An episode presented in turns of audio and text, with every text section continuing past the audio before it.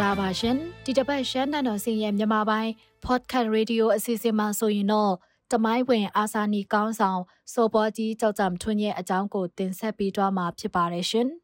လက်ရှိ2023ခုနှစ်ဇွန်လလ20ရက်နေ့ဟာမိုင်းပွန်စောပေါ်ကြီးကြောက်ကြံထွန်းလောက်ကျန်တက်ဖြတ်ခံရတဲ့86နှစ်မြောက်ရှိလာပြီဖြစ်ပါတယ်စောပွားကြီးကြောက်ကြံထွန်းဟာမြမပြည်လွတ်လပ်ရေးအတွက်ဒါမက တောင်တန်းပြည်မှစီလုံးညီညွတ်ရေးအတွက်ကြိုးပမ်းဆောင်ရွက်ခဲ့တဲ့အာဆာနီကောင်းဆောင်တဦးဖြစ်ပါတယ်။မိုင်းပွန်စော်ပွားကြောင့်ဂျမ်ထွန်းဟာမြမလွတ်လပ်ရေးအတွက်အသက်ပေးသွားခဲ့တဲ့ပိုချုပ်အောင်ဆန်းနဲ့တကွအာဆာနီကိုဦးမှာတဦးအပါဝင်လည်းဖြစ်ပါတယ်။ဒုတိယကမ္ဘာစစ်ကြီးပြီးတဲ့နောက်ပိုင်းအင်္ဂလိပ်တွေမြန်မာနိုင်ငံထဲဝင်လာတဲ့အချိန်ဒူတို့နဲ့အတူပါလာတဲ့စက်ကူဖြူအုပ်ချုပ်ရေးကို မိုင်းပွန်စော်ပွားကြီးကြောက်ကြံထွန်းကစန့်ကျင်ခဲ့သူဖြစ်ပါတယ်။ ကမ္ဘာအခြေအနေမြမအခြေအနေတောင်တန်းဒေတာအခြေအနေစတဲ့အခြေအနေအရရက်ကိုကွက်ကြော်မြင်တက်ပြီးအင်္ဂလိပ်တွေရဲ့တောင်တန်းနဲ့မြေပြန့်တွေးခွဲအုပ်ချုပ်မှုကို မလိုလားတဲ့စော်ပွားတူဖြစ်ပါတယ်။ပိုချိုအောင်ဆန်းဦးဆောင်တဲ့ကြားဖြတ်အစိုးရအဖွဲ့မှာ1940ခုနှစ်မတ်လ26ရက်နေ့ကနေစတင်ပြီးတော့အတိုင်းပင်ခံတောင်တန်းရေးရာဝန်ကြီးဖြစ်လာခဲ့ပါတယ်။ ဒါအပြင်ဒိုင်းပြုတ်ပြည်ပြုတ်လွတ်တော်ရဲ့ပြည်ထောင်စုနဲ့ပြည်နယ်ဆိုင်ရာ sub committee လူနည်းစုဆိုင်ရာ sub committee ရဲ့ဖွဲ့စည်းပုံအခြေခံဥပဒေရေးဆွဲရေးကော်မတီတွေမှာအဖွဲ့ဝင်လည်းဖြစ်ခဲ့ပါတယ်။1940ခုနှစ်မြန်မာစံတော်ချိန်10နာရီ39မိနစ်မှာရန်ကုန်မြို့လယ်မှာရှိတဲ့ဝင်းကြီးရုံးများအတွင်အစည်းအဝေးပြုလုပ်နေတဲ့အချိန်အင်္ဂလိပ်ခေတ်မြို့ဆောင်တက်အမတ်စနစ် တနက်ကင်တက်ရင်ရဲ့အမတ်တစိတ်ကိုတက်ဆင်ထားတဲ့စစ်ယူနီဖောင်းအပြည့်ဝတ်ဆင်တဲ့လူတစုဟာဝင်ကြီးများယုံအတွင်းကိုဝင်ရောက်လာပြီးတော့လွတ်လပ်ရေးကောင်းဆောင်တချို့ကိုပြစ်ခတ်လောက်ကျန်ခဲ့ပါတယ်။အဲ့ဒီနေ့မှာပဲပိုချုပ်အောင်ဆန်းနဲ့အတူတခြားအာဆာနီရှစ်ဦးကွယ်လွန်ခဲ့ရပြီးအဲ့ဒီအချိန်ကစော်ပွားကြီးကြောက်ကြံထွန်းဟာ ပခုံးမှာတန်ရနှစ်ချက်တာရရှိခဲ့ပြီးအခြေအနေမစိုးရိမ်ရတဲ့လူနာအဖြစ်ဈေးရုံမှာဈေးကူတာမှုခံယူနေတဲ့အချိန်ဇွန်လ20ရက်နေ့မွန်းတဲ့12နာရီမှာကွယ်လွန်သွားခဲ့ရပါတယ်။ကွယ်လွန်သွားတဲ့အချိန်မှာမိုင်းပွန်စော်ပွားကြီးကြောက်ကြံထွန်းက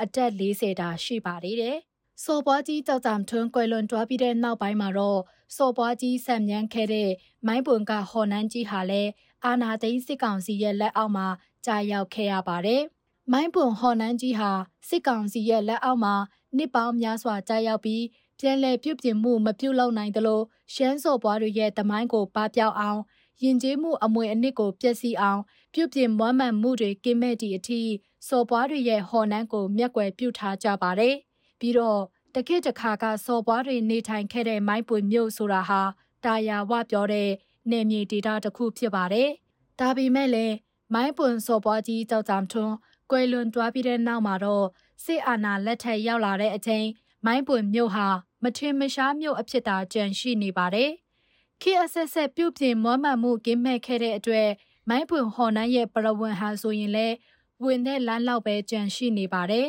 ။ဟော်နန်းရဲ့အဆောက်အုံတွေနဲ့အတွင်းခန်းကပစ္စည်းတွေဆိုရင်လည်းမရှိတလောက်ကုန်ခန်းနေပြီးတော့ကျန်းခင်းကအစာယူယွန်းပျက်စီးနေပါတယ်။ နေချက်ကိုလိုနီတွေကိုတိုက်ထုတ်ခဲ့တဲ့စော်ပွားကြီးကြောက်ခွန်တီဆံမြန်းခဲ့တဲ့ဟော်နန်းဖြစ်တဲ့အပြင်လွတ်လပ်တဲ့ပြည်ထောင်စုမြန်မာနိုင်ငံတော်ကြီးဖြစ်လာအောင်စ조사နေရင်းနဲ့အတက်စတေးခံလိုက်ရတဲ့အာဇာနည်ကောင်းဆောင်ကြီးစော်ပွားကြီးကြောက်ကြံထွန်းတို့ဆံမြန်းခဲ့တဲ့ဟော်နန်းဟာအင်အိုတာတာအဖြစ်ကျွန်းကြံရစ်ခဲ့ပါတယ်။စစ်အာဏာရှင်အဆက်ဆက်ကရှမ်းစော်ပွားတွေရှမ်းအမျိုးသားရေးကောင်းဆောင်ပုဂ္ဂိုလ်နဲ့ပတ်သက်သမျှတမိုင်းကြောင်းတွေကိုလည်းဖျောက်ဖျက်ပစ်ခဲ့ပါတယ်။ အဆိုးဆုံးကတော့စော်ပွားတွေဆံမြန်းခဲ့တဲ့ဟော်နန်းတွေကိုဖြိုဖျက်ပြီးရလာတဲ့အုတ်ကျိုးအုတ်ပဲ့တွေကိုလမ်းပြန်ခင်းခဲ့ပါတယ်။အထွင်ရှားဆုံးကတော့မိုင်းရဲ့စော်ပွားကဟော်နန်းနဲ့ဂျိုင်းတုံဟော်နန်းတွေကိုဖြိုချဖျက်ဆီးလိုက်တဲ့အပြင်ကြံရှိနေတဲ့စော်ပွားတွေရဲ့အမွေအနှစ်တွေတမိုင်းတွေကိုလည်းနောက်လူတွေမတိရှိရလေအောင်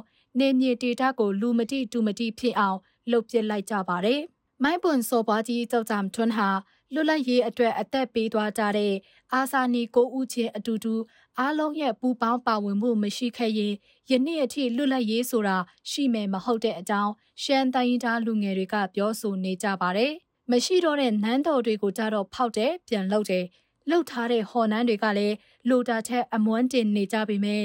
ငကိုကလေးကရှိနေတဲ့ရှမ်းစော်ပွားတွေရဲ့ဟော်နန်းတွေကိုကြတော့အကြောင်းအမျိုးမျိုးပြပြီးဖျက်ဆီးပစ်ခဲ့ကြတာပါ